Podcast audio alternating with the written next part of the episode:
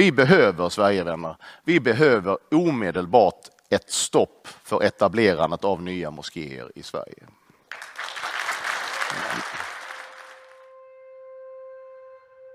Så lät det när Jimmy Åkesson höll sitt tal under Sverigedemokraternas landsdagar i Västerås. I dagens samhälle skrämmer religionsfrihet och kulturell mångfald moderna fascister och radikala nationalister på samma sätt som nazisterna på 1930-talet kände rädsla inför judendomen. Deras hat spred sig till den ödesdigra kristallnatten, natten mellan 9 november och 10 november 1938 då 267 synagogor stod i lågor.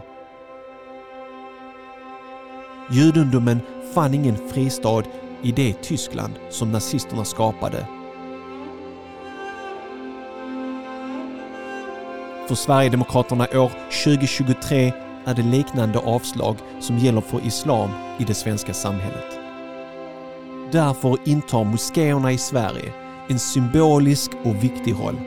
Bärare av budskapet att islam utgör en integrerad del av Sverige. I mitt samtal med den inspirerande Walid Al-Hams avslöjar han detaljerna kring byggandet av en storslagen moské, en imponerande struktur spridd över 10 000 kvadratmeter i Helsingborg. Walid är dessutom en passionerad förespråkare för samlevnad i Helsingborg och står som en förebild för otaliga ungdomar.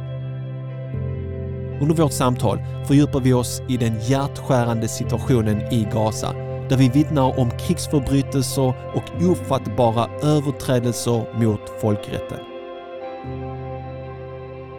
Det brutala bombandet av civila områden i Gaza parallellt med en blockad som stryper tillgången till livsnödvändiga resurser betraktas av många som en form av folkmord. Efter mer än en månads konflikt befinner sig Gazas 2,2 miljoner invånare i desperat behov. Intensiva attacker skonar ingen. Skolor och sjukhus har blivit offer för förstörelsen. Palestinska myndigheter rapporterar över 10 000 dödsfall varav 4 000 är barn. Samtidigt har Israels totala blockad skapat en alarmerande brist på mat, vatten, el och bränsle. I mitt samtal med Walid El-Hams delar han med sig av sina rötter från Palestina. Om sina föräldrar som fortfarande befinner sig i Gaza och tillsammans reflekterar vi över vad vi kan och inte kan göra för att få ett slut på de fasansfulla krigsförbrytelserna i Gaza. Salam alaikum och hjärtligt välkommen tillbaka min vän till Koranpodden och till det näst sista avsnittet för säsong 10 med temat motkraft. Jag heter Salih Tufekcioglu och detta är Koranpodden. Platsen där vi möter mentorer och förebilder som inte bara inspirerar oss utan visar oss vägen genom de stora utmaningarna vi står inför. Det är min stora ära eh, att ha Dr. Walid här. Välkommen Dr. Walid. Tack så mycket. Tvärtom, det är min ära faktiskt att vara här. Jag har sett dig och följt dig och jag har stor respekt för dig. Det du gör är faktiskt imponerande. Det är ju ömsesidigt, verkligen. Ehm, jag kommer ihåg första gångerna jag träffade unga muslimer från Helsingborg och de pratade om Dr. Walid och han håller föreläsningar i Helsingborg och han är mentor för många unga och eh, jag, jag blev inbjuden till Helsingborg sen och jag kom och föreläste där för många, många år sedan. Och du var där och jag blev så väl bemött av dig. Eh, jag lyssnade på dig och jag var så glad att ungdomarna har dig där. Och senare har du blivit involverad i mosképrojektet i Helsingborg. Bara det är en jättestor grej som jag vill ha ett samtal tillsammans med dig om. Jo, absolut. Liksom. Ungdomarna i Helsingborg är faktiskt underbara. Ja. Alltså jag har varit med dem i, alltså länge, vi pratar mm. om 20 år. Ja. Alltså det är killar som är gifta och har barn just nu, men ja. de kallar mig Amo Walid i den tiden. Och, och de gröt under liksom läger och vi går hem och har ont i magen. Och så man ser hur de växer och blir liksom större och större och tar ansvar. Och, alltså det, är, det är det bästa jag har varit med i mitt liv faktiskt, att se de här ungdomarna, ungdomarna växa. Både liksom i ålder och, och storlek och engagemang. Precis. Men jag bara tänker så här. För du har gett mycket, mycket av din tid i moskén eh, till de här ungdomarna. Var kommer, var, var kommer ditt engagemang ifrån? Eh, svårt att säga liksom. Jag ser mycket, jag tycker synd om ungdomar. Liksom, de har inte några förebilder de kan titta upp till liksom, här i Sverige. Mm. Eh, och det finns stor potential i dem. Och jag tycker liksom, vill man göra någonting i Sverige, det är det. Lära ut liksom, ungdomar, barn och bygga moské. Mm. Det, det, gamlingar får man glömma. Liksom. det, det, går inte att satsa på dem mer än så. Och de behöver yeah. inte det heller. Yeah. Men ungdomarna behöver så mycket och man ser att det här ger resultat ganska snabbt. Mm. Så det ger dig energi att fortsätta och fortsätta och yeah. fortsätta.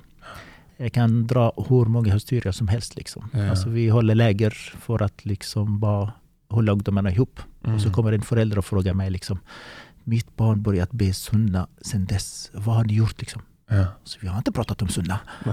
Alltså vi, har inte, vi har bara bett liksom tillsammans uh, fard, liksom Dohor, Asr, Maghreb, Isha. Vi, vi ja. har inte snackat något om sunna alls. Nej. Nej men sen dess har det, och det här ger dig ganska mycket liksom, mm. fuel för att gå vidare. Liksom, Just det, när du ser de goda resultaten, de fröna du, du sår. Du ser det, alltså, du sår så många resultat som du inte anar om. Liksom. Ja. Och, det, och det är där energi fortsätter. Så det är ett tacksamt arbete faktiskt. Ja. För det jag tänker på liksom, i över 20 år, eh, för ibland får människor liksom en, en liten kick, gör en liten insats. Och så är det någon som säger någonting dumt och så blir man besviken och sen så slutar man, ger man upp. Förstår jag menar? Att mm. hålla på i mm. över 20 år, träffa ungdomar, prata med dem, för även om man ser snabba resultat så är ungdomar ungdomar. Liksom. De har massa idéer och tankar. Och... Jag måste säga att våra ungdomar är annorlunda. De har varit bara, de har bara levererat hela tiden. Ja, alltså i Helsingborg, alltså, precis. Det är gått grymma utbildningar, precis, skaffat familjer och så vidare. Eh, men, men vad, är det som, vad är det som har gjort att, eh, att du har hållit ut i 20 år? Jag vill inte kalla det 20 år faktiskt. Mm. Eh, jag har hållit på kanske 15 år. Yeah. Sen började jag inse att min, liksom, den här åldersskillnaden mellan mig och ungdomarna börjar bli större. Yeah. Och då är det svårt. Liksom, alltså ungdomarna vill ha någon som de ser sin framtid i. Och yeah. så kommer jag som är 50 plus nu. Mm. Det är Ammo Walid nu. Alltså det är inte Ammo, det är farbror Walid nu. Alltså det är yeah. farfar Walid. På riktigt, ja. Så de har, svår, de har liksom, det är inte samma känsla. Så det, de måste ha kontakt med ungdomarna. Alltså leka mm. med dem, brottas med dem. Yeah. Nu går det inte liksom. Mina ben håller inte. Rulla runt i mattan. Så, så 15 år kan man kan säga. Och sen mm. börjar jag liksom aktivt ta avstånd. Fast liksom, det här är så nära till mitt hjärta. Men jag tar lite avstånd från de som är ungdomar. Mm. Men de som vuxit upp under den tiden mm. har jag fortfarande mycket kontakt med. Och de är yeah. inte ungdomar längre. Alltså det är folk som är gifta och har barn och jobbar och har karriär. Alltså 25 till 35 till och med. Mm. Så de har jag fortsatt kontakt med. Men ungdomarna har jag tyvärr släppt de sista yeah. fem åren. Yeah, och det är för att jag passar inte. De behöver en yngre förebild. Det är så insiktsfullt av dig, verkligen. Alltså, för ibland fastnar man i invanda mönster. Man bara ja, tror att man... Du är så. Ungdom forever. ja, precis. Men eh, kan du säga att eh, någon, har, någon av de här unga har tagit över din roll? En del ja. Mm. En del ja. Alltså, vi har startat Young Light-gruppen. Mm. Och det är ungdomar mellan låt säga, som 16 till 20, 22, 23 år gamla. Mm. Och de som blir eh, ordförande i Young Light de pensioneras direkt. och de börjar tillhöra till mentorgruppen. Yeah. Så då har vi ungefär 10-15 eh, mentorer yeah. som tar hand om Young Light och stöttar dem och hjälper dem. Wow. Och då har vi liksom den organisationen med Young Light, mentorer och mm. sen Amos så, som sitter i styrelse och sitter och gör andra saker. Yeah. För att um, Alhamdulillah, jag har också varit med ett tag nu och man börjar se den nya generationen och man ser liksom nya förebilder, nya mentorer komma fram. Och jag måste säga att kvaliteten är väldigt hög. Alltså jag, jag, jag är hoppfull när jag tittar tillbaka, när jag tittar på nya mentorer, nya liksom, människor som engagerar sig och så. Uh, för man gick med sån rädsla, okej okay, när jag slutar, vem är det som kommer att ta över? Allt, man, man, på något sätt bygger man upp en värld av att utan jag så kommer allting raseras och det kommer inte gå. Och så, så. Men sen så börjar man öppna upp ögonen och bara se nya föreläsare som är ännu skarpare, ännu duktigare, ännu mer detaljer, ännu mer kunskap. Alltså hänger du med? Man ser ja. utvecklingen, mashallah. Alltså, subhanallah. Det, jag håller med 100 procent. Mm. Jag minns att 20 år sedan när jag kom hit, liksom, alltså man skulle göra liksom en fest, en liten fest så för 50 personer. Det var liksom stor, stor, stor grej och ingen vill ta initiativ och ingen vill Nej. göra det och så vidare.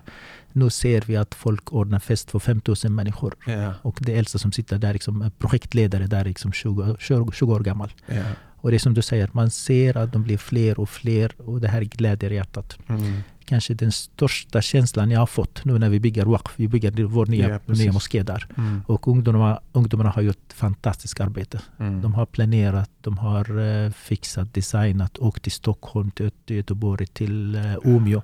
Ja. De har varit med väldigt aktivt om ja. att bygga. Alla känner det här är mitt. Liksom. Alla känner att det här är mitt projekt. Och det var faktiskt första gången i mitt liv mm. känner mig trygg att om man lämnar så lämnar man i goda händer. Ja, exakt. Alltså, tidigare var det så att de var där, hjälpte till, mm. åkte hem och så var inte där. Tills mm. man har aktiverat dem, tills man kallat dem. Ja. Men nu är det, de känner att det här är vårt. Liksom. De är självdrivande. Ja, de självdrivande. De har liksom mm. slitit, de har sovit på, på, på, på matta hela natten och i sovsäck. Mm.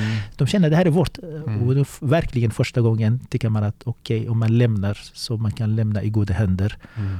Och när man sitter möte och diskuterar så är man tystare och tystare. För mm. man ser alltså, bättre och bättre åsikter som dyker upp här och där. Och då, då behöver man inte säga något. Och också kompetensnivån. Alltså de här mm. unga eh, mentorer och så vidare. Du vet, det är så här framtida läkare, framtida lärare, ingenjörer. Du vet, mashallah, det är det som är härligt att se. Det är härligt att se hur de hanterar Amoalit till och med.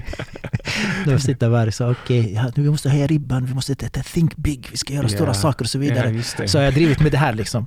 och nu, nu, ska vi köra fest och det kommer att kosta 100 000. Alltså hallå yeah. grabbar, vi, vi tar det lugnt yeah. lite. Amoalit, ta det lugnt. Alltså, vi think big. Och så börjar liksom manipulera mig och hantera mig. Och jag ser att de gör det och jag njuter av det faktiskt. För, för de, de, de, de är värda. Alltså, de, är, de tänker större än eh, oss äldre. Mashallah. De börjar göra det. Yeah. Vi börjar bli den, de äldre, eller Vi var inte det innan. Men Nej, exakt. Vi börjar bli jag känner äldre. mig i den kategorin också. Och det är som du säger också, alltså, tidigare kunde jag föreläsa, jag kunde hålla föreläsningar för ungdomar. Men jag, jag känner att jag inte kan göra det längre. Alltså mm. jag är vuxen och jag, jag har svårt att relatera till deras värld. Jag försöker mm. hålla mig uppdaterad, jag, försöker, jag, pratar med dem, diskuterar, men jag känner också att jag mm. växer ifrån deras värld. Mm. Eh, och det är som du säger, men det som jag är glad är att jag ser nya föreläsare mm. som gör ett bättre jobb än jag själv och som kan nå ungdomarna bättre än vad jag kan. Mm. Och som du säger, det känns skönt att bara, okej, okay, this is fine, någon annan gör det här jobbet bättre än jag. Ja, absolut. Men jag håller inte riktigt med dig där. Liksom. De, de, de yngre når ungdomarna på ett mycket bättre sätt. Mm. Men eh, de äldre finns som trygghet. Yeah. Så att vi finns där, att vi lyssnar på de yngres föreläsningar mm. ger väldigt mycket att man är på rätt väg. Ändå yeah. de tittar upp till oss och har mm. stor respekt för oss. Yeah. Eh, och bara att vi är där och tysta ger väldigt mycket trygghet att, att det här är fantastiskt, att mm. det är på mm. rätt väg. Mm. Och sen hoppar vi någon gång i en föreläsning här och där. Det, det gör inget. Liksom. eh, jag tycker inte att vi ska släppa det. Nej, absolut inte. Jag håller med dig faktiskt eh, till 100 procent. För att jag var jag var i Waqf-moskén i Malmö och det kom eh, unga föreläsare från Stockholm. De fyllde hela moskén. Det här var under sommaren. Mm. Folk var lediga. Hela moskén var packad. Och jag var där och lyssnade. Och jag bara, alltså du vet, förr hade man haft en föreläsning, hade kommit kanske 10-15 personer. Mm, mm. Det var hela moskén full. Det visade på liksom att, att, att eh, de nya föreläsarna kan nå ungdomar på ett helt annorlunda sätt. Men också att ungdomarna är redo. De, de har ett sån törst efter kunskap, för att förstå sin religion och kunna praktisera den på korrekt sätt. Och sen föreläsarna, föreläste på ett balanserat sätt med respekt för samhället, respekt för föräldrarna, för tron. Det var inte någon extremism eller någonting sånt, utan det var väldigt balanserat och det kändes väldigt, väldigt, väldigt tryggt. Alltså. Ja. Och dessutom de använder de här nya teknologin liksom. Så, yeah, så jag, kan stå, ja, jag kan stå och föreläsa i moskén för 10, 15, 20 yeah. pers. Liksom. Yeah. Men går man in på TikTok eller på, yeah. då når man till 100 och 200. Och där finns en annan styrka i det. Alltså folk mm. går till en föreläsning för två saker. Alltså mm. tre saker. Mm. Är rätt gemenskap. De vill mm. träffa sina kompisar. De vill ha kunskap. Mm. Men framförallt för att det finns en kändis där. Ja, ja. Alltså det räcker att det är en kändis och då vill man åka dit och titta på den här kändisen. Ja, hur det ser ut, liksom, hur han klär sig, hur han går, på toa. Ja. Alltså de vill se kändisar. Och de här nya föreläsare, ja. de är kändisar. Ja, de är kändisar. De gör grymma saker och mm. de syns på nätet och mm. de, blir liksom, de blir mer och mer kända. Och då, de lockar ungdomar som magnet. Liksom. och då har de mycket större påverkan än, mm. än vad man har. Så man har stor respekt för det. Eh, samtidigt tycker jag att vi behöver byta vår fokus lite. Mm. Vi behöver vi, vi behöver kanske liksom undervisa sira eller eh, aqida eller eh, liksom som vi gjorde innan. Mm. Man behöver tänka lite mer strategiskt nu för tiden. Mm. Vart är vi på väg? Mm. För den biten saknar jag fortfarande hos ungdomar du vet, man måste gå igenom den här resan för att mogna till i sin dawa-process och så vidare. Mm. Så vi behöver sitta och tänka, vad är nästa steg? Mm. Alltså, Okej, okay, de här ungdomarna, vad, vad gör vi näst? Liksom? Yeah, När precis. de har kommit till moskén, de här hundra pers, mm. hur ska man investera i dem? Yeah. Hur ska man nå dem efter? Liksom? Är det mm. bara engångsföreteelse och så väntar vi tills nästa stockholmare kommer in? Ja, precis. Alltså ja. det, det, är ett viktigt steg att, att ta, liksom. det, det här strategiska istället för, jag, jag, jag brukar få den här bilden i huvudet huvudet av att man skjuter raketer. Du vet, så mm. Det är en raket, pang, exploderande mm. i himlen. Och det såg vackert ut. Mm. Och den var liksom tre sekunder och sen är det över. Mm. Och, det, och det är där, eh, jag hoppas inshallah, framtida generationer tar tag där. Ja, alltså åren visar året för år att det blir bättre och bättre. Ja. Och de blir starkare och starkare.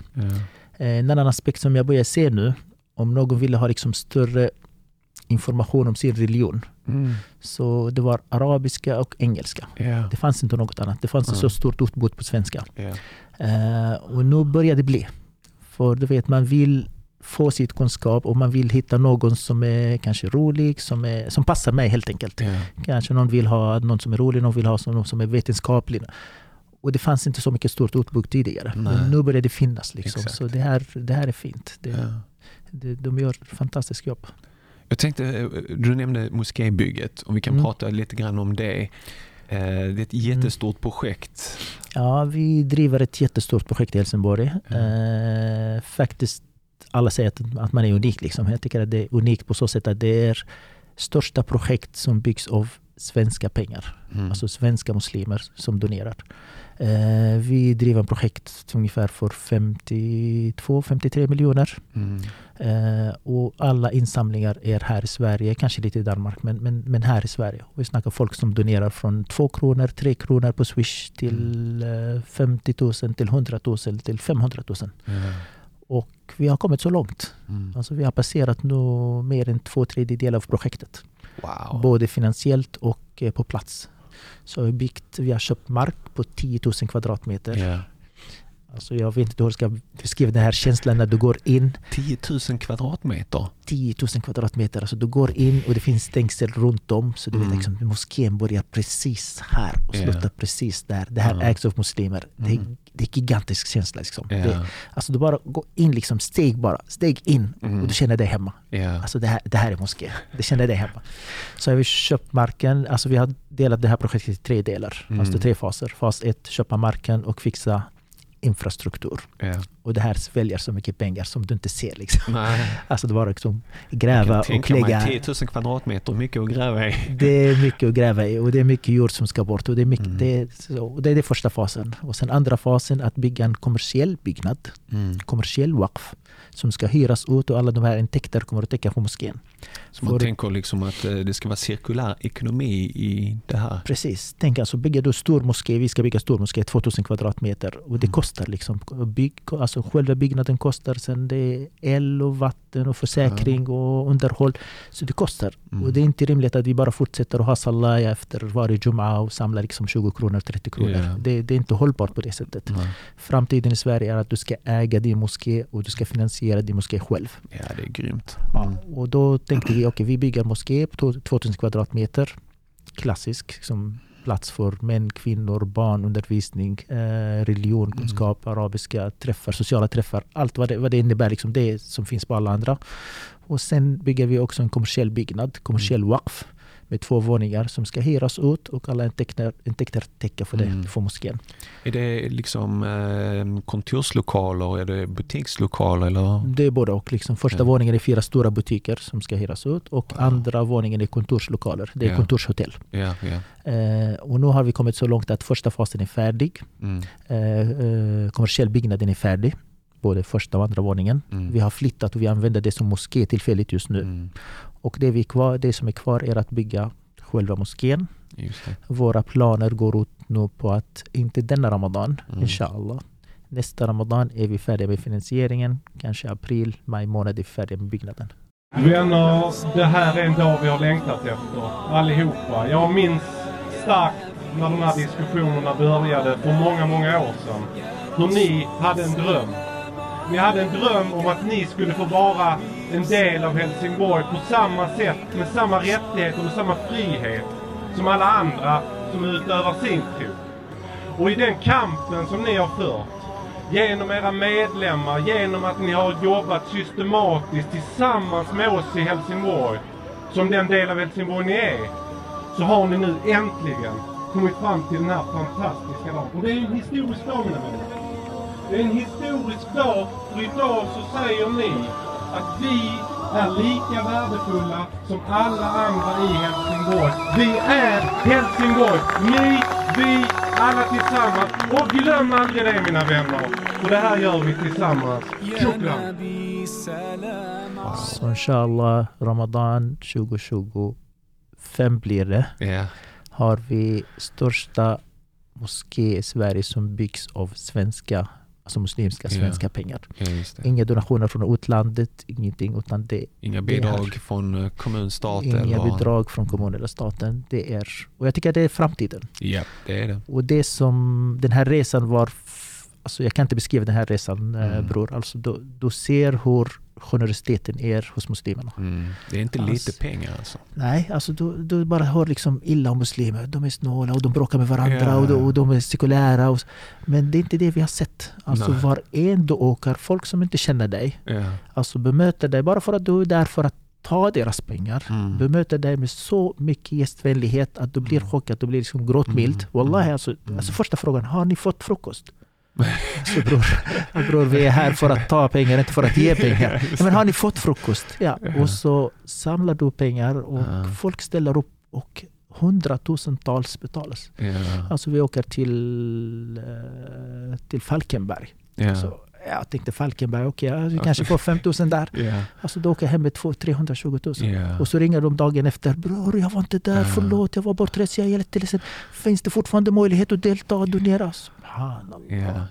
Så folk har varit så generösa, så aktiva, Mm. imponerande. Det här brödraskapet. Alltså styrelsen tar mikrofonen. Mm. De puttar dig åt sidan. Här är våra bröder som kommit in. Kom igen grabbar! Och, så här. och de Ja. har inte pengar för att betala hyran Sin i slutet av månaden. Ja, just det. Och De så subhanallah, subhanallah. Så. så det vi har läst, det vi har lärt oss. Om Mm. du visar muslimer att det finns projekt Mm. med trovärdighet. Ja. Om de litar på projektet, Mm. de är jättegenerösa. Ja. Verkligen helt fantastiskt alltså. Eh, och, i och med de här koranbränningarna så startade vi också någon ung bror som var väldigt duktig på sociala medier, insamlingar till moskéer och så. Har du sett de här olika kampanjerna? Ja, ja. Bror Jamal ja. ja Ja. Absolut. Det, På, på bara några få dagar samlade de in miljoner liksom. det, här, det, här är, det här är något nytt i Sverige. Väldigt, väldigt nytt. Uh, ny koncept kan man säga. Mm. Eh, hans tankesätt var att okej, vill ni bränna Koran, var istället ni bränner Koran så bygger vi moské istället. Vi Ja. bemöter det elaka med något positivt för samhället. Ja, precis. Eh, och det som är speciellt med det här projektet är att Mm. eh, du och jag når en viss alltså, folkgrupp. Liksom. De som Mm. kommer till moskén eller de som är nära till de som kommer till moskén. Mm. Men eh, de där når alla som, är typ alla som sitter liksom hemma. Ja, Och till liksom sitter på sina Telefoner. TikTok, sina Ja. telefoner. Och de är muslimer, Ja. men kanske inte så praktiserande. Nej. Och det som han gör är att han väcker den här känslan hos dem. Mm. Så de donerar kanske 10 kronor, 20 kronor. Men det här, de här 10 kronorna kommer att väcka någonting i deras hjärta. Liksom. Jag Mm. tillhör den här stora gemensamheten. Mm. Så det här kommer att locka dem till något ännu större, något Mm. ännu bättre. Mm. Och vi går och pratar med folk och liksom övertalar dem att betala liksom 20 000, 30 000. Mm. Mycket pengar få individer. Mm. Det som Jamal gör, han satsar på nej, 100 kronor eller 50 kronor men han ja. når ut till 200 000, 300 000. Ja, och det som vi har lärt oss muslimerna är Alltså islam är en del av Sverige helt enkelt. Ja. Det är en del av Sverige som vi inte... Alltså, den här förebilden om att muslimer är liksom arbetslösa. Och, nej, det är de inte. De har sina företag, de har sina fina bilar och de yeah. har sina fina villor. Mm. Och de vill göra något gott, gott. för islam. Yeah. Även om de inte ber kanske varje fajr i moskén. Yeah, Men de har, de har den här känslan. Finaste beskrivningen jag har sett av en bror som betalade uh. bra. Liksom. Uh. Får, jag fråga? Så, ja, varsågod. Så du, du ber inte. Varför betalar du till moskén? Och han pekar så du, här är Helsingborgs lasarett. Jag är inte sjuk. Men jag vill ha lasarettet för någon gång kommer jag behöva den. Och det är trygghet för mig att se att det finns den vården jag behöver när jag behöver den.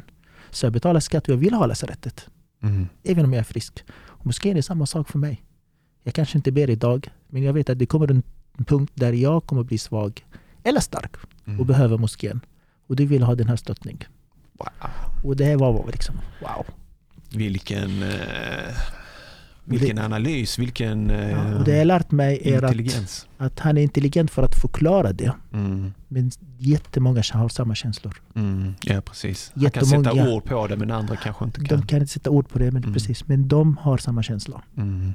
Och det här, det här är stort liksom, ja. som jag inte jag har lärt mig i skolan, liksom muslimer, bröder och alla. Ja, du har inte sett det på riktigt? Men jag har sett det på riktigt nu. jag har sett det på riktigt nu. Hur folk verkligen bryr sig om varandra och ringer. Ja. Hur går det med moskén? Och de, de, är, de är omgjorda. De kommer aldrig att be den här moskén. Men de bryr sig. Och tvärtom. Yeah. När vi åker dit, yeah. vi är inte där för att samla pengar. Vi är där också för att inspirera dem. Ja, men kom mm. igen, alltså våra killar har gjort 1, 2, 3, 4, 5, 6. Nu har vi, samlat, vi har samlat ihop 37 miljoner hittills. Mm på så kort tid. Mm. Ni kan göra det. Ja. Alltså, varför, ska ni liksom, varför hinner ni? Mm. Gå och köp en villa för 6 miljoner och använd den. Mm. Så, använd samma kläder, gör samma sak, gör samma broschyr. Då kommer du samla mm. de här pengarna. Ja. Och det, vi går ut liksom, samlar pengar och samtidigt inspirerar folk. Mm. Och det här blir liksom win-win för alla. Ja. Alltså för du, du vet från politiker har det varit så här, ah, nu ska vi stoppa alla bidragen från eh, Saudiarabien och, och, och finansiera moskéer. Alltså utländsk finansiering av moskéer ska stoppas. Jag vet inte vad deras agenda är, men, men det är gammalt. Vi vill bygga våra egna moskéer med våra egna pengar för det känns bra, det känns rätt och vi bestämmer över vår egendom. Det stämmer. Låt mig berätta en historia. Yeah. Vi samlar pengar här till moskén så mm. får vi en donation från Syrien. Mm. En som blivit inspirerad och skickar pengar från Syrien. Yeah. Och du vet hur det är i Syrien. Ja, ja, alltså behovet där, liksom, du kan kasta pengar till vem som helst och det räknas som sadaqa. Ja, ja, Eller hur? Eh, hur länge ska vi fortsätta att samla pengar från utlandet? Alltså är vi fattiga här i Sverige? Nej. Kanske första generationen 20 år sedan hitta, men, men vi, vi, är väl integrerade nu, alla yeah, jobbar. Yeah. Vi har pengar. Varför ska vi gå och tigga och tigga och tigga mm. och samla? Alltså man, man, man åker till Saudiarabien eller till Kuwait, vad är det man får? Liksom? Yeah. Två, tre miljoner. Vi har sett med våra ögon att på TikTok, på 24 timmar, på 48 timmar så samlar man 6 miljoner. Och det gör man inte en gång företid, man upprepar det varje månad. Och det är tre, mål, tre miljoner varje månad det finns gott om muslimer, generösa mm. muslimer som bryr sig och vill hjälpa till mm. med något positivt i samhället. Mm. Och, det, och det, till dem ska vi vända oss. Yeah. Det här är gammalt. Det här är, mm. det här är gammalt. Och jag förstår det i den tiden. Mm. Man kunde inte stå på benen själv, man behövde, man behövde lite hjälp. Men nu tror jag att vi kan lita på oss själva. Yeah. Ja, det är fint. Det, det, är också en del i den här utvecklingen, kommer du ihåg? Alltså mm. som vi har pratat om ungdomarna och hur det var tidigare och man ser att det bara blir bättre och bättre. Vi blir mer och mm. mer självständiga. Eh, så om du tänker liksom islam i Sverige inte så länge tillbaka, 30 och 40 år mm. tillbaka. Mm. Och många piskar också piskar sig själva liksom. Och vi vill ha ett och två, tre, fyra, fem, sex tusen. Och vi, vill liksom, vi är inte bra, vi är inte... Alltså, yeah. Nej, alltså det här är ett, det här är ett, ett lång process liksom. Yeah. Det här är ett naturligt förlopp som ska ta yeah, sin tid. Och man ska mm. inte ha, har man liksom för tidig födsel så det är inte bra. Nej. Det ska gå igenom sina faser. Och eh, man kan inte jämföra med islam i England. Nej, det har varit liksom flera hundra år. I USA eller... Nej, mm. det här är... Ni erfarenhet. Vi har lärt oss från de andra runt om. Ja. Vi går kanske lite relativt snabbare än England eller Frankrike. Ja. Men, men islam kommer att växa i Sverige, kommer att prägla Sverige på något gott. Kommer att Mm. ge Sverige något extra Mm. som Sverige inte hade tidigare. Mm. Jag var på Facebook och såg eh, ett klipp, eh, eller någon hade tagit en skärmdump eh, när du var med i morgonsoffan för SVT. Mm. Det var igår ja. Det var igår ja. Ehm, just nu sker det stora, stor förödelse i Gaza. Man bombar, massor med oskyldiga människor dör.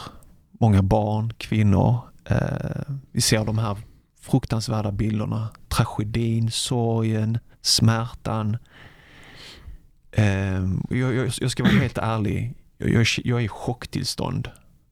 Eh, jag nästan så att jag känner att jag är handlingsförlamad.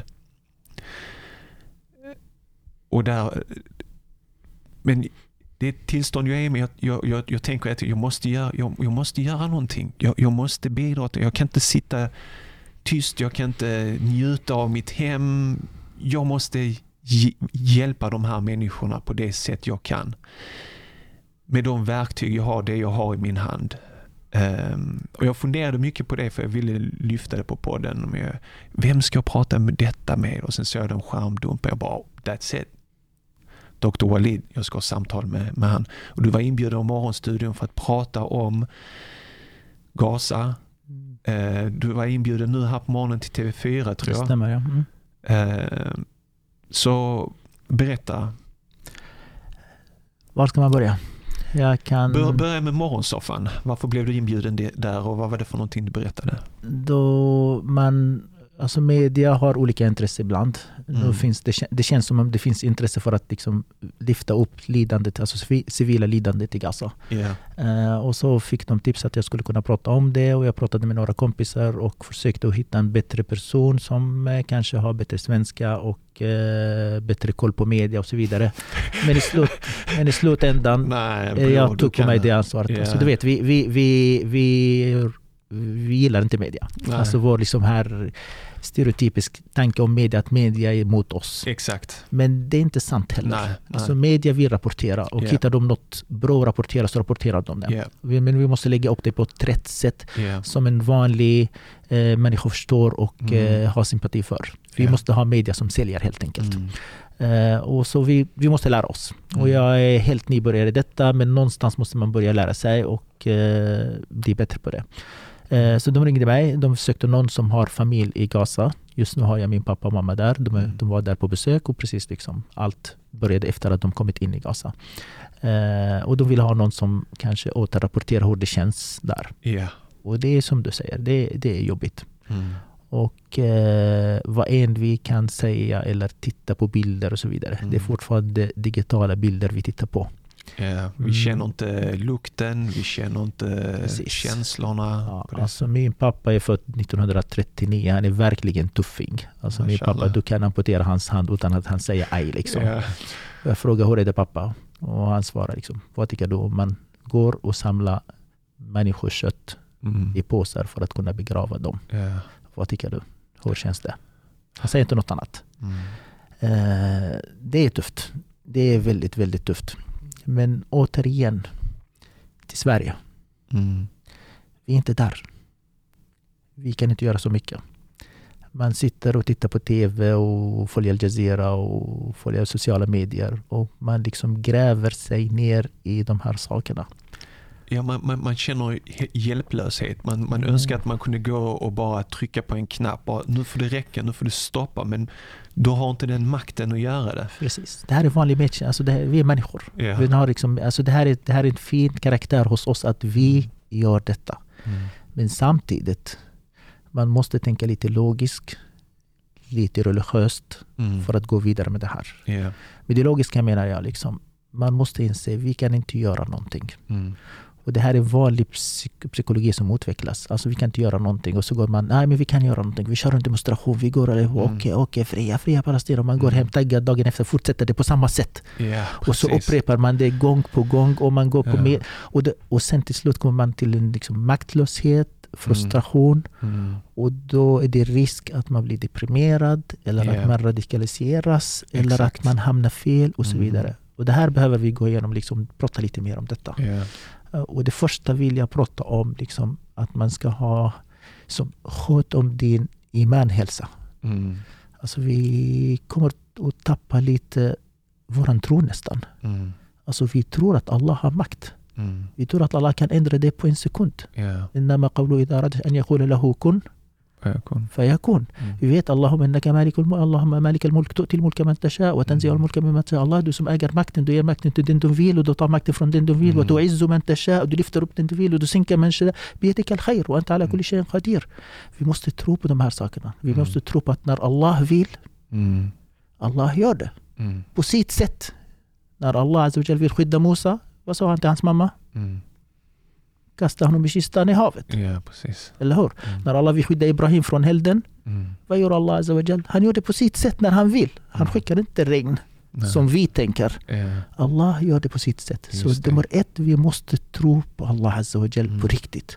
Allah kan, när han vill, han gör det. Ja. Vi ska inte tappa det liksom. Vi ska inte luras av makten och soldater och mm. tank och pengar. ammunition. De har makten, pengar de, måste, de styr nej. narrativet. Nej, nej, nej. Alltså Allahu Maulana. Alltså, yeah. Vi tror på Allah Och så kommer det nästa steg. Varför händer det då? Mm. Men vi tror på att Allah Azza har sina sunan. sunan. Yeah. Allah har sina regler. Mm. Allah har sagt upp att Hasibtum an tadkhulul jannata wa lam ya'tikum. مستهم البأساء والضراء وزلزلوا. ترور نهيئت كومرترادا إني باراديست أوترتني هاد ربطس أوف دوم أندرا هاد أوف. مستهم البأساء دوم في كليدان والضراء وهور سوارة تيدر وزلزلوا دوم سكاكادس إر inte det som händer i Gaza nu? Tror vi att paradiset är så lätt och سنن. Så Allah har sina الكون. Allah, alltså det onda mot det goda och det kommer att mötas och mötas och mötas och mötas mm. och mötas. Allah säger till oss många saker om det här. Har inte drabbat profeterna. Mm. Har inte drabbat profeten Muhammed sallallahu alaihi wasallam på samma sätt. Ja. Rasul sallallahu alaihi wasallam i Ghazwat al-Ahzab. Blev han inte så deprimerad och maktlös och hjälplös yeah. så att han täckte sig med man, Det är det vad vi undervisade ungdomar, eller hur? Yeah. Och sen vad gjorde han? Mm lyfte upp mantel yeah, och gick vidare. Mm. Så vi måste förstå att Allah äger makten. Vi måste att allt det som händer med Allahs vilja. Mm. Och Allahs vilja är alltid gott. Mm. Oavsett om vi ser det eller inte ser det. Mm. Men du måste inse att folk som drabbas där mm. är utvalda. Mm. Det finns människor som kommer att nå platser i paradiset. Mm. Och de måste betala ett pris för att komma nå den här platsen. Mm. Och vi vet enligt hadith att vi kommer att titta på de som drabbades hårdast under och se vart de har hamnat. Mm. Och vi kommer att önska att våra fingrar klipptes en efter en för att mm. nå den här platsen. Mm. Så de här människorna, vi tycker synd om dem. Yeah. Vi tycker synd om deras lidande. Men samtidigt, man är avundsjuk på dem. Den man ska vara avundsjuk på dem. Den status de kommer ha i nästa liv. De kommer ha ett hög status. Seger, någon måste betala priset. Mm. Och det verkar som att Allah har valt att de ska betala det priset. Mm. Mm. Så även om det är ett lidande, samtidigt vi vet att de kommer kompenseras. Mm. Uh, Allah kommer ersätta med dem. Mm. Uh, då, vi, vi hoppas att de är martyrer. Mm. ولا تحسبن الذين قتلوا في سبيل الله أمواتا بل أحياء عند ربهم يرزقون Så de är levande och de njuter inshallah. Mm. Så även om hjärtat fryser samtidigt vi behöver veta att de här är på rätt väg. Allah har valt dem för detta. Allah vill att de ska betala det priset för att de ska nå den här platsen. Mm. Och Allah är rättvis. Yeah. Eller hur? Det som jag, precis innan vi skulle spela in avsnittet så var det en syster som ringde till dig och du hade henne på högtalare och eh, det var tydligen uppenbart att hon var väldigt berörd eh, av det som händer i Gaza och hon vill hjälpa till på olika sätt. Jag tänker att sådana saker sätter spår, alltså väcker gamla minnen, speciellt människor från Bosnien. Ja, från Balkankriget med den etniska utrensningen som skedde av eh, bosniaker där, det fruktansvärda de gick igenom. När de ser de här bilderna, ser vad som händer.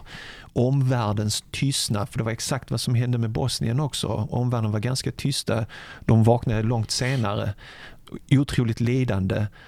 Eh, eh, och hon, hon, hon äh, grät nästan i telefonen äh, och det du nämnde, och, och, och det du nämnde, syster, tänk på din tro. Tänk på din bön, tänk på din relation till Allah. Och jag tänkte, subhanallah. Alltså bror, den här diskrepansen mellan det du ser och det du önskar se Mm. Kommer att sätta en, en, en energi i ditt hjärta. Mm. Och om du inte kanaliserar den här energin rätt, då Ja. kommer du hamna fel. Ja. Så nu alla vill göra någonting. Ja. Alla vill göra någonting och om man Mm. inte hittar det man kan göra Mm. så, så, så blir man deprimerad. Det blir en pa- negativ energi, Mm. eller hur? Så jag tycker att nummer ett, alltså man behöver bearbeta det religiöst. Man Ja. bearbetar det mentalt också. Vi måste inse Mm. att vi inte kan göra särskilt mycket här. Mm. Vi måste inse att om jag fortsätter att följa media och utsätta mig för all media som publiceras, alla nyhetskanaler, alla sociala medier. Jag kommer att gräva mig in i depression. Ja. Vi är människor, vi kan inte hantera det här. Eh, Vi kommer inte kunna hantera det här. Mm. Så det är viktigt att man, att man rationella, hur mycket vill jag bli utsatt för de här medierna? Mm. Vi vet att det är jobbigt, men Mm. jag kan inte se vartenda barn som dör där och se bilder på den. Nej. Vi måste skydda våra hjärnor lite grann. Ja. Så nummer ett, vi kan inte göra jättemycket. Mm. Vi måste inse det. Liksom. Det är Mm. begränsat det vi kan göra. Nummer två, vi måste liksom skydda oss lite själva. Utsätta oss tillräckligt mycket så att vi följer, vi vet vad som händer, vi får den här energin. Mm. Och nummer tre, vi måste agera. Mm. Och här är folk lite, okej vad ska vi göra? Ja. Och det finns många olika saker man kan göra, Mm. agera. Mm. Det är det. Och jag vill dela dem i två saker. Mm. Det finns saker vi kan göra det nu, nu, nu, nu, nu, nu, nu, nu, nu, nu, nu, nu, nu. Och det finns saker vi måste göra strategiskt, strategiskt Långsiktigt. långsiktigt. Mm. Frågar du Det är mig? inte så många som tänker på den. Nej, inte så många som heter det. Och vilken är det som ger mest nytta? Det det, långsiktiga. långsiktiga. Det är egentligen. Och det missar vi. Ja. Men vi kan inte negligera det som måste hända nu. Alltså, vi kan Ja. inte se folk som dör och inte går på demonstrationer. Precis. Så jag vill dela två saker. Nu, nu, nu, nu, nu. Kan du göra mycket. Mm. Du kan gå på demonstrationer, kan visa din åsikt på sociala medier, kan visa här och där och där. Du kan göra, hitta din roll. Mm. Hittar inte din roll så gå och prata med någon organisation runt dig. Gå till din moské, gå till din... Liksom, hitta din roll och försök att göra något positivt. Ja. Kan du inte göra det Mm. så gör dua Mm. för dem. Och det här med dua är lite speciellt. För det finns en del som Bön säger... alltså, dua. Ja, ben, dua ja. Ja. Alltså du ska be för dem. Ja. Och det är lite speciellt för det finns en del som säger nej du måste jobba och sen gör du dua. Och det finns de som säger nej du ska göra bara dua. Men varken den grupp eller den grupp gör dua. Nej. Jag känner inte någon, inklusive mig själv, Mm. som vaknar klockan tre på natten Mm. och ber två raka, 15 minuter, bara dua för muslimer runt om i världen. Ja. Så även den grupp som är för dua och de som är emot dua, ingen av dem gör det. Nej, Eh, Vad vi precis. vet i alla fall. Inte inklusive mig själv. Liksom. Och dua, vi vet att det hjälper. Ja. Och de jag pratar med, de som finns i Gaza, och det de säger liksom, Mm. det räcker att vi ser att det finns någon är vid vår sida. Ja. Och vi känner er dua. Ja. Vi känner den. Så det vi kan göra långsiktigt här, nu med detsamma, det är donera pengar, göra dua, delta i de här sakerna. Men vill man verkligen tänka långsiktigt, alltså Al-Aqsa Mm. är bara termometer på hur islam mår allmänt sett. Mm. När islam mår bra, Aqsa mår bra. Mm. När islam är dåligt, Aqsa mår dåligt. Mm. Vill vi befria Aqsa på riktigt, Mm. det är inte action på plats där. Nej. Utan det är islam i stort som ska bli bättre. Så vill du verkligen bidra till Aqsa Mm. långsiktigt, vi behöver bli bättre människor. Ja. Och bättre människor, det är religiöst. Man har Mm. starkare iman. Man har djupare kunskap om sin religion. Mm. Man praktiserar bättre. Tänk på din salah, sköt om din salah. Hur mycket Ja. koncentrerar på min salah? Är det 10% gör det Ja. 20%. Ja, är, precis. det, är det 50 gör det till 80. Är det 100% be sunna. Mm. Är du duktig på sunna, be qiyam al-layl. Det kan du bli bättre på din salah, Ja. på din iman. Men inte bara det. Mm. Du ska bli en bättre människa i din position. Precis. Vad är det du är bäst på? Jag, just nu det bästa jag kan göra är att bygga- bygga waqf. Ja. Jag kan inte planera demonstrationer för det finns killar och tjejer som planerar det hundra gånger bättre än mig. Ja. Ja. De har visat det och levererat. Mm. Då släpper jag det. Jag går och satsar på waqf istället. Ja. Så går vi och eh, Men, men, putsar men, fönster. men även WACF är kopplat till den eh, stor, större frågan, till det långsiktiga arbetet och det är det som vissa människor missar. För jag kommer ihåg, jag menar, Palestinafrågan har alltid varit där och, jag, eh, och de här eh, övergreppen sker regelbundet och det var för många, många år sedan då det var väldigt intensivt eh, i, i Gaza också. Många som blev dödade, det var stora demonstrationer, jag höll föreläsningar, jag pratade mm. med ungdomarna. Jag var inne också på det där med långsiktigt och kortsiktigt. Och jag, jag kommer ihåg, jag sa så tydligt i föreläsningen, sköt din skola, kom till skolan mm. i tid, få de bästa resultaten i skolan. Det är kopplat också till men jag, det, jag tror inte det är så många som ser det. Nej, det är för långt. Jag måste gå på en demonstration. Jag måste skriva ett Facebook-inlägg. För det är det också jag har tänkt på. Liksom så här. Okay, jag skriver av mig på Facebook och jag mår bättre själv. Jag har skrivit av mig på Facebook. Men har det gjort någon skillnad? Har jag gjort någon, någonting eller har jag bara skrivit några ord? Hur mycket är det mm. egentligen värt? Mm. Mm. Så båda räknas. Mm. Alltså, båda två saker behövs utan att man mm. överdimensionerar detta. Yeah. Alltså, om jag sitter bara på Facebook hela dagen och hela yeah. natten så det är meningslöst. Yeah, om jag bara gräver mig i WAF också och inte liksom tittar på TV eller går på en demonstration, det är också kanske fel. Så vi behöver Balans. båda två. Balans. Balansen. Och vi pratar inte bara WAF, utan det är som du säger bror, är, du ska bli bättre i din position. Alltså, du, du är kanske blivande lärare. Det är styrka, du är lärare. Du har din åsikt. Yeah. Du kanske blivande läkare. Det är styrka. Du är läkare, du kanske är politiker, du kanske är advokat, du kanske... Författare, poet. Eh, eh, eller, eller företagare. Yeah. Eller, alltså, vad är, alltså, att du blir en bättre människa, starkare människa, är bättre för hela samhället. Mm. Oavsett muslimer eller inte muslimer till och med. Mm. Så blir du bättre människa, får du en starkare position, du bidrar till att göra det bättre för oss långsiktigt. Och det är det som räknas egentligen. Mm. Men absolut, nu behöver vi ventilera. Vi går på demonstration, vi ventilerar våra känslor. Ja, vi ja. visar våra barn att vi bryr om den här situationen. Men, men det långsiktiga är det som räknas mm. framför allt. Men det är inte många som gör det. Mm. Eh, eller jo, vi har börjat samtalet med att vi yeah, ser att yeah. det är faktiskt bättre. Så, så båda saker fungerar, yeah. tror jag. Jag är lite nyfiken på din bakgrund eftersom både din mamma och pappa är i Gaza nu och eh, vi ber till alla att han skyddar dem och alla de andra från de faser som utspelar sig där. Men dina rötter är i Palestina? Ja, pappas, pappa är född i Palestina, i, alltså själva, alltså i gamla Palestina kan yeah. man säga. Och så var han åtta år gammal när det kallades Nakba. Yeah. När man skickades bort från sina byar ut Han var åtta år gammal då? Han var åtta år gammal och han yeah. minns detta och han beskriver exakt hur han satte på en ko och det gick och han upplevde liksom det var liksom utflykt och han tyckte yeah. varför gråter ni? Liksom, det här känns bra. Och alla lämnade sina hem för man gjorde exakt samma sak som händer just nu. Yeah. Man börjar liksom eh, lite på norr och man bombarderar liksom en liten by. Mm. Och så säger att det är fritt, det är, liksom, det är, eh, det är safe 10 eh, kilometer nerom. Yeah. Och så flyttar man 10 kilometer och man tror att det handlar om en vecka att gå tillbaka. Och så börjar man bombardera där och så flyttar folk massan till Gaza. Yeah. Så pappa fick liksom flyttas till Gaza. Han är inte från Gaza egentligen. Nej. Så han, under det som kallas Nakba 1948 mm. så flyttas han från sin by som heter Jibna mm. till Gaza. Mm. Och så växte upp han där. Mm. Och nu händer det samma sak igen. Yeah. Nu vill man att ska fly från Gaza och lämna Gaza och gå vidare till nästa Nakba. Yeah. Och då när jag blev vuxen så flyttade jag till Arabemiraten och så var jag född där och uppvuxen där. Mm. Och så kom jag till Sverige mm. efter att jag pluggat medicin. Just det. Pappa till fem barn. Inte barn längre. Nej. De två är gifta just nu så. Ja. Alhamdulillah. Men har du många släktingar eh, i eh, Palestina ja, eller Gaza? Flera hundratals. Ja. Alla mina kusiner och kusinens barn är där. Ja. Och vi ser att de blir färre och färre. Mm. Det är det så. Har du lyckats, om vi kan berätta lite grann om vad, vad du får höra från Gaza? Eh, ja, vi ska ta lite perspektiv för det. Liksom. Alltså, Gaza är ett litet område, mindre än Ängelholm. För att vi förstår liksom hela den här Gazaremsan och mm. södra Gaza och norra Gaza. Och det är mindre än Ängelholm. Liksom. Mm. Det är 35 kilometer långt och 10 kilometer brett. Mm. Eh, och som då tar liksom hela södra Sveriges befolkning och stoppar dem i Ängelholm yeah. och bygga mur runt om yeah. och blockera allt annat.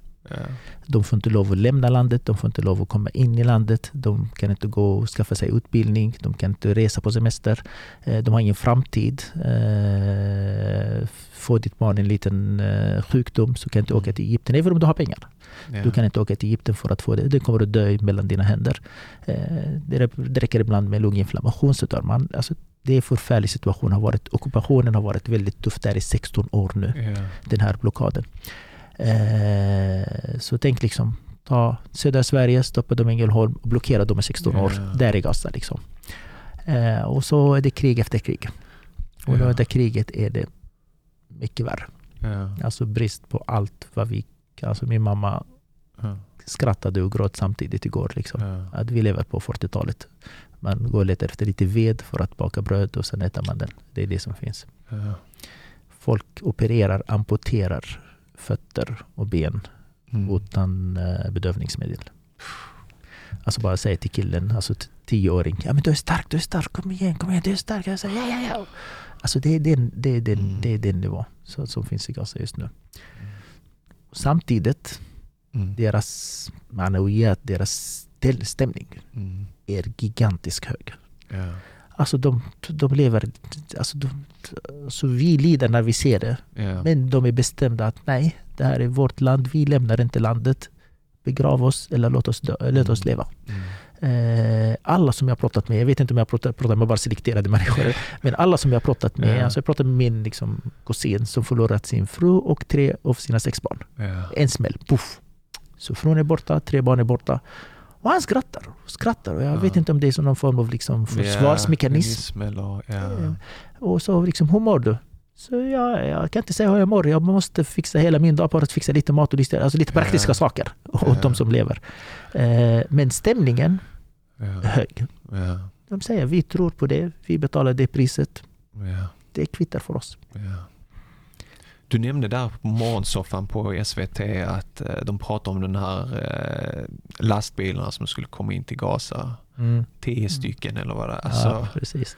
och du, du, du tog en liknelse med Ica Ja, Maxi i alltså- Helsingborg. Gå och titta på vilken liksom. Alltså, alltså om ni kör, alla kör liksom, vi, ni bor här i Malmö. Ja, Så vägen mellan Malmö och Helsingborg och räkna hur många lastbilar passerar per minut. ja, Alltså jag lovar, det är flera tusentals bilar som åker varje, varje dag. Flera Mm. tusentals.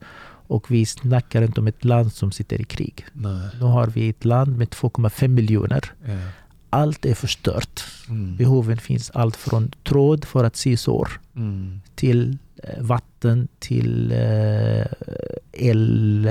Allt mm, behövs. Och så skickar man 10 bilar. Ja, Så räknar du matematiskt så jag tror att varje människa kommer att ha typ en kvadratcentimeter Man- man- eller någonting. man kan ju inte hjälpa att skratta åt sånt. Åt, åt det liksom. Häng, alltså hänger du med? Alltså man blir så... eh, Är det här Ja. ett skämt eller? Vad, vad, vad, Nej, det och sen låter bra. kablas det ut i media som att men vi är väldigt humanitära här nu. Vi öppnar och släpper in tio lastbilar till två miljoner människor. Det låter bra på media. Eh, samtidigt, där i Gaza, de upplever det, liksom, det är steg i rätt riktning. Ja, Alltså ändå det är steg mot att ske, nu släpper vi liksom, vi, vi, vi är på rätt väg. Men man, man, man är hoppfull på allt. mm, Alltså man vill liksom hitta något positivt i det hela. mm, Och då även de där tio lastbilar betyder psykologiskt där. Mm, Ingen kommer att få någonting av dessa tio lastbilar. Men psykologiskt känns väldigt mycket. Okej, okej, Ja. nu har vi någonting som är på väg som är positivt. mm, Så man ska inte... Det är okej. Det, Ja. det, det är bra att det finns någonting. Men man ska inte ingenting. tro... Man ska inte nöja sig. Okej, nu är tio bilar gått in. Ja, folk ja. mår bra. Nej, det, det räcker inte. Man har öppnat gränsen mot eh, Egypten också. Vad, vad innebär det? Eh, De som har... Alltså det är många som varit där på semestrar. Alltså men som inte bor där. eh, Som har familjer och som har jobb och i USA och England och Sverige Ja. och så vidare. Mm. Och de var där på semester och så är de inlåsta.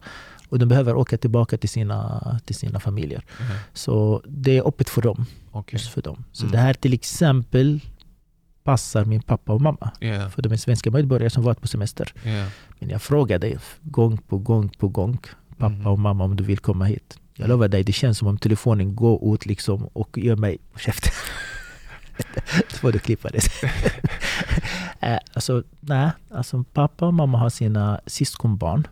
ja, Eh, folk där behöver och förtjänar allt stöd, allt stöd som de får. mm, Och bara den tanken att det finns någon där, en farbror eller morbror eller mor, mormor. Alltså det finns någon där som kan lämna oss mm. och sticka. Ja. Men ändå välja att stanna. Mm, Någon, någon ser oss. Någon, Mm. någon, någon ser oss som människor. Och det ger väldigt mycket. mm, Det ger, alltså de, de verkligen förtjänar allt. Alltså Mm. sympati och empati. De behöver det. Och de uppskattade det väldigt högt. Och mamma sa nej, jag lämnar inte. Så, mamma, är du inte rädd? Jo. Varje bomb uppe Ja. mitt hjärta 10 meter borta. Ja, Och så kom långsamt tillbaka till Ja. bröstkorgen. Jag är rädd. Jag är jätterädd. Men lämna då. Nej, nej, nej jag lämnar inte min syskonbarn här. De tittar upp till mig, de vill se mig. Du- Jag kan inte lämna dem Hon kan sticket. inte hjälpa dem någonting. Jag Mm. tror nästan att det är de som behöver hjälpa henne. Lite- Det kanske är ömsesidigt just att Ja. de känner det stödet från henne att hon vill vara kvar. Precis. Men jag tror nog att de säger till henne också kanske att du kan åka hem. Men Det är säkert att de har sagt det. Ja. Säkert. Men nej, hon säger inte det. Du blev inbjuden av eh, TV4 här på morgonen klockan sju på morgonen. Och sen Ja. kommer du hit här till studion klockan nio. Så Ja, det var ett intensiv morgon för dig. Men vill du berätta lite grann om hur det gick med TV4? Vad är det de Eh, frågar och Alltså blev du bemött? TV4 vill också rapportera om eländet som finns där just nu.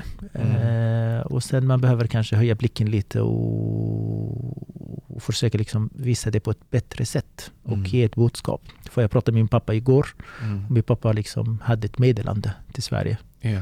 Eh, och jag förklarade lite kort eh, vad det handlar om, eh, hur situationen ser ut och frågade om man får lov att läsa meddelandet. Okej. Och det sa absolut, läs meddelandet. Det tar bara 20 sekunder. TV4 då? Ja, TV4 ja. Och jag läste min pappas meddelande. Har du meddelandet här? Jag har. Jag kan det utan till. Ja. Läs, läs Ja. det gärna för oss här också. Jag är jättenyfiken Ja. på att höra. Det som min pappa vill, eller vill, med, vill säga här är Mm. hälsa hemma och säg det vi ser är 8000 civila offer, 3000 döda barn, 2000 döda kvinnor, bombardering av sjukhus, bombardering av skolor, bombardering av FN-anläggningar, folkmord, etnisk rensning och kollektiv bestraffning. Vad behöver vi se mer innan vi vågar öppna ögonen och peka ut med hela handen och säga stopp. Det här är terrorism. Mm. Yeah. Och jag, jag såg det live på TV. Ja. Och jag fick frågan om vad tycker mina föräldrar om Hamas och om det är terroristgrupp eller inte. Ja. Och jag vet inte exakt vad mina föräldrar vet men de signaler jag fått från alla som är där. Nej, de upplever de frihetskämpare. Ja. Om de stoppar 2,2 miljoner människor i ett litet område och blockerar dem i 16 år och skickar bomb Ja. efter bomb efter bomb. Och det kommer en grupp säga okej vi ska befria det landet. Folk, folk, folk, det är det Ja. enda de ser från andra sidan, det är bara bomber. Eh, Och de, de ser här som, som frihetskämpare, de ser inte som, som terrorister. Det som de ser är ordet Hamas Mm. används nu för att rättfärdiga allt äckligt man vill göra. Mm. Alltså om du vill bombardera ett sjukhus eller ett... Det var ett eh, flyktingläger nu i Gaza. Det låter jättemärkligt i mina öron. Flyktingläger i ett stort flyktingläger är väl Gaza, ja, eller hur? Ja, jag kan förklara. Ja, eh, Men, men, men där släppte man en, bomb eh, och man har erkänt också att man har gjort det för att tydligen var det en befälhavare där. Det, Eh, Hamas befälhavare och sen så var det liksom massor med oskyldiga människor som dog. Och- och- Jag vet inte vad de hade för belägg att där fanns någon befälhavare. För sen bombar de någon, något annat ställe och så säger de att det fanns en, ett eh, Hamas huvudkvarter under Mm. källaren. yes. Alltså hänger du med? ja, det, ja, det, är jag Hamas, det är en. Hamas överallt. Det- I sjukhuset, de är i, i skolan, de är... Alltså det, det, är ord som används nu för att Ja. liksom, rättfärdiga allt, man vill, allt äckligt man vill göra. Mm. Så lägger Hamas eh, ovanpå eller nedanför precis. eller bredvid eller sådär. Och så är det okej. Ja. Plötsligt är det okej Okej, att göra det. Det blir okej för någon anledning. Eh, Det är så, det är så terrorister resonerar. När de spränger och dödar människor. Du säger till dem, vänta nu, du kommer döda oskyldiga människor. Ja, men det är ett pris man får betala. Jag ska skapa skräck i det här samhället. Jag har svårt att se skillnaderna. Jag har ver- verkligen svårt att se skillnaderna. nej. Men det som jag, som jag är väldigt hoppfull är ändå, om vi ska se de här tio lastbilarna och, och den tystnad som finns i, i världen, är att nu börjar det kanske vända opinionen. Norge har kommit ut till exempel nu och säger att det här är helt oproportionerligt. Vi kan, det, här, det här är inte okej. Det har kommit ut experter eh, eh, om mänskliga rättigheter som säger att eh, man kan inte flytta på Gazaborna. Det är en liksom etnisk utrensning. De har rätt till sin plats. Så jag vet inte om det är jag själv, men jag, jag känner att opinionen börjar vända Och jag hoppas inom kort att den vänder ännu mer. Ja, kriset kommer att ta slut. Det, det här är inte hela världen. Och det är inte mm. första gången, eller andra gången eller tredje gången. Det här kommer att ta slut på ett mm. eller annat sätt. Det gör det. Jag håller med dig. Opinionen vänder väldigt mycket. Eh, folk där blir starkare och starkare. Eh, mm. Man har testat olika saker för att skrämma dem och det funkar inte. Så det här ja. kommer att lösa sig. Ja. Det kommer att lösa sig. Eh, folk dör men folk föds. Vet ja. du hur många gravida kvinnor finns det i Gazaremsan nu? Nej, men säkert många. Vad tror du? Ge mig en siffra. 50 000 gravida kvinnor. Ja. Så inom två månader så är det 10 000 nya ja. friska barn. Ja. Eh, livet kommer att gå vidare. Mm. Frågan är liksom på vilken sida av historien vill vi vara? Mm. Och om vi pratar om islam som stort. Islam kommer att gå vidare. Det har vi löfte från profeten Muhammed sallallahu alaihi wasallam. Det kommer att vidare, det kommer att gå, det kommer att sprida sig. Mm. Vi ska inte vara rädda om islam. Frågan är liksom, kommer vi... Om dig själv. Kommer vi att lyfta den vidare till nästa generation? Yeah. Eller ska vi bara hänga på och vara mm. Belastning för islam? Yeah, alltså, var inte rädd bror. Det, det kommer mm. att lösa sig. Och rättvisan kommer alltid, alltid, alltid precis. visa sig till slutändan. slutändan. Jag känner nästan att det där var jo, de sista orden för det här samtalet. Tackar så mycket för samtalet. Tusen tack för att, uh, har du några kanske sista eller vi avrundar där? Nej, det känns bra att man gör någonting. Ja. Uh, och det är viktigt att man när man gör någonting så ska vara rätt. Ja. Rätt ska vara rätt oavsett. Tack så mycket Dr. Alin. Salam alaikum. Tack för att du lyssnade på mitt samtal tillsammans med Walid El-Hams om att bygga moské i Helsingborg samt drömmen om ett fritt Palestina. Det som jag särskilt tar med mig från mitt samtal med Walid är hans otroliga tålamod och målmedvetenhet.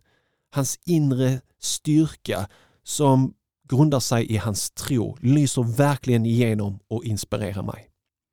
Om du fann samtalet med Walid lika inspirerande som jag gjorde skulle jag uppskatta om du delade samtalet med ungdomar och människor som på ett eller annat sätt försöker göra någonting för att hjälpa människorna i Gaza eller som på annat sätt försöker hjälpa till och bygga moskéer i Sverige. Skicka ett mail eller ett sms med direktlänken till samtalet koranpodden.se 260. Jag tackar på förhand. Om du älskar Koranpodden och du finner den givande och lärorik vecka efter vecka och du vill se Koranpodden fortsätta med nya säsonger, med nya avsnitt, då kan du vara med och täcka våra kostnader med hjälp av frivilliga donationer. Bli månadsgivare eller donera en engångssumma via vårt swishnummer som du hittar på vår hemsida koranpodden.se. Klicka på donera i menyn. Må Gud belöna dig rikligt för ditt stöd. Nästa vecka får du lyssna på mitt samtal med Aisha Rebecca Karlsson där vi samtalar om att konvertera till islam från kristendomen. Här kommer ett kort utdrag från det samtalet. En känsla jag har av att jag hör inte hemma här. Mm. Även så aktiv som jag var i kyrkan och var med på gudstjänster, var med i scouterna, alltihopa det här, så kunde jag ändå stå där och känna det att jag hör inte hemma här. Mm. Jag passar inte in. Jag ska inte vara här. Missa definitivt inte nästa veckas avsnitt som blir säsongens sista avsnitt. Mitt samtal med Aisha Rebecca Karlsson och om hennes resa från kristendomen till islam.